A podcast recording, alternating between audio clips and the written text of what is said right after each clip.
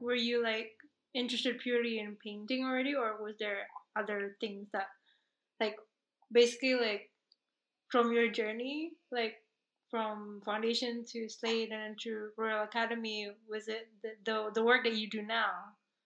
Was it influenced from then, or that grew? That changes all the time. Yeah, no, I think I've always been a painter. I've always, well, majority of people go into painting because I guess kind of, it's, it, you know, it's taught. It's one of the first things you get taught, and then mm. you get taught sculpture. Um, because mm. this idea of that, you know, you do the 2D first and then you progress onto the 3D. Yeah. Um, and it was like a language, I guess, in the West where people, like, you go to a museum and you see paintings. Mm. Uh, you see sculptures as well, but um, my experience, it was painting was kind of more predominant yeah. in our kind of cultural education. Mm. Um, so I was always interested in painting. Um, I think kind of relating back to, uh, I do remember going to like the Neka Museum when I was young in Bali. Okay. Uh, we'd always go there.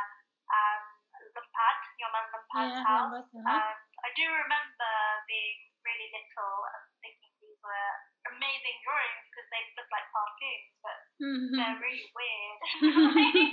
telling these, depicting these Balinese stories. They looked really different to other Balinese, traditional Balinese kind of, uh, traditional Balinese, uh, like paintings. Mm. They had more finesse to them. I don't know, I just sort of knew that when I was little, I kind of saw them because, I guess because if you look at other Balinese uh, drawings and paintings, they're often like cluttered with like uh, the scenery, the background, yeah. characters. But yeah. he just kind of just focused on the the scene, and there's a lot of white space around. Yeah. Um, if you don't know what they look like, um, they're black and white, very simple black and white drawings, often depicting Balinese mythologies or mm. themes and stories. And so, kind of go around, my father would sort of explain kind of um, a lot of the stories were about Bang Mera, Bang Putih. Yeah, like, yeah. What would happen if you did like this? if you were like a ruined woman. yeah, yeah, yeah, yeah. if you were a naughty child. So they were like very, so, you know, this idea of storytelling um, Yeah. through imagery, um, which was very different to like abstract, the abstract work that I do. But I think um, it's just this kind of, uh, I think what I fell in love with Lempad was just the quality, the, the quality of line and just, uh, you know, within the black um, outlines, there'd sometimes be a bit of gold, there'll sometimes Mm. be like a little wash Mm. of ink that it's so minimal and yet it just describes so much more than um, perhaps a drawing or a painting which was overly detailed. Mm. So I think he was like a great, uh, from a Balinese perspective, that was a great inspiration for my work. Mm. Um, but yeah, I've always been interested in painting, but not in a kind of pictorial sense. So yeah, I do like the stories and imagery of like say Balinese paintings and also like you know Western paintings, Renaissance. But I think I was more interested in like the materiality of them. And I couldn't really figure out. I think the journey was like figuring out. Uh, am I interested in the storytelling, or if I'm more interested in painting? And if it's painting, what is it about painting that I really love? Mm. I think my journey in the kind of younger years me as a younger artist was exploring kind of making works, artworks outside or off the canvas. Um, Mm. because I think that for me that felt, felt like a real space. I wasn't interested in kind of depicting a story. I was interested in, in kind of making kind of inclusive or sort of environment where the art was just, I don't know, it could be described as in your face, or it could also be described as like wanting everyone sort of in the, like, within the set, like within the paint, within the painting itself, within the artwork. So, Mm. uh, kind of moving away from the idea of like having someone to explain what the artwork was um, or the story, and then you kind of figure it out, to like making it more just about the colours and the materials and the space and what that does to you. Because I guess for Mm. me, we're you just like in terms of every day, we're not really surrounded by paintings all the time. You know, we're not surrounded by paintings in an everyday sense. We're surrounded by walls and Mm. floors and ceilings and architectural spaces and going in and out and Mm. um, moving across the city. Um, you know, how we interact um, in urban spaces. You know, I was more interested in that and that kind of social, I guess, social space or that kind of physical space mm. where which we share as humans. And I kind of somehow wanted to create, recreate that in the work. Hmm. Okay. So taking the painting off the canvas and onto a wall, um, where it became kind of embedded into the everyday. Hmm. So from from the times that you did foundation, you've always like uh, worked on off the canvas then, or when when did you start doing it off canvas? Um, I think probably at Slade, probably third year Slade. Oh, okay. Um, I think the first, but I was making really large scale work from foundations. I remember my my interview at Slade, I brought in a roll, Oh, a big roll of paper, and you opened it and it was like eight meters long. wow. was like three meters high, eight meters long. I'm just thinking like, oh my god, what a young woman I must have been. yes, you are indeed. I don't know what planet I was on. I just like it just felt kind of. I just remember I, I must have had good teachers because they really would have.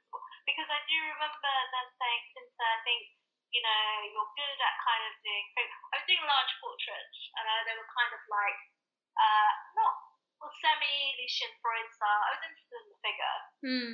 at foundation, and then I was sort of this. I think what this large painting taught me uh, was this idea of like uh, rhythm across across the canvas. So I had figures, Hmm. um, and they were having there were different poses, Mhm. um, but it was this idea of figures um, kind of creating a rhythm from left to right. Mhm. Um, and I think that's what I got excited about this rhythm of what what can happen. You know, you could kind of depict those things through formal um, formal things like colour and line and movement and just how you apply the paint onto the uh, onto the onto the surface. Hmm. Um, in a kind of uh, you know, and I think it made me think about um, scale.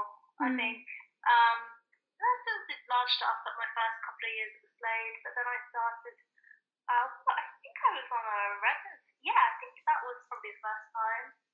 Looking back, I was on a residency in New York, so we had an exchange program, and I applied to go to New York, During in Slade? and uh, During the time in- uh, art. Uh huh. And so, like, New York, uh, American students would come to the UK and then we would be sent there. Okay. And because I didn't have any canvases, I just started painting on the wall. Oh. And I made these, like, really, it's like probably a very kind of significant point in my early, in my sort of younger days of art school, Hmm. where I covered the wall in a kind of Balinese, it's Balinese flower motif, but it's like repeated. Mhm. Um, and the first time I did the wall, so the scale was like about three by three meters.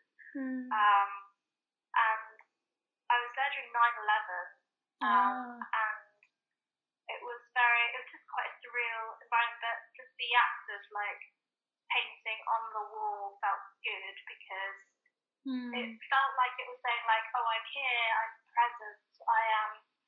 Um, in the same way, I guess a caveman would paint on the wall, or like Yeah, yeah. artist would paint on the wall. It's this idea of like it felt more real than a paint like painting on a canvas. So I think that probably cemented this idea of painting onto like Um. I also remember a lecture by a tutor who was um, introducing us to Sol LeWitt, and I think that really awoken uh, awakened my spirits because I love this idea of. I mean, he coined the phrase conceptual painting. So Hmm. this idea of a painting um, being a blueprint or being a diagram which could then be created by another person or another lifetime or another space. So you would effectively, as a collector, buy uh, the diagram and it would be created. So this idea of like reducing painting to a series of instructions uh, was mind blowing to me because it meant that uh, you know you as the artist, you know you don't have to be there to sort of uh, you, you know this idea that it could, because I guess it's pre-internet as well, right? mm, yeah, true. Well, the internet was there, but the idea of like, because now I like email across mm-hmm. and design to wherever part of the world, and it can be quite easily re- recreated yeah. somewhere else with communications and the right instructions. But Mm. back then, that wasn't really possible. So this idea of like, um, and obviously when he thought of these concepts in the 60s, 70s, this idea of reducing, um, you know, what paint, you know, reducing painting to its bare, I don't know, like written and binary or linear, you know, Mm. the, to the very skeleton of what what it is, Yeah, and the yeah. fact that it could be remade again. I just thought, or made. I just thought that was incredible. Mm. Um, so he's been like a big influence on my work, and I do talk about the concept of blueprints. Uh, the great thing about the blueprints is that you can zoom in and out of it, so that's why I think as an artist I'm quite comfortable with working in large scale and small scale.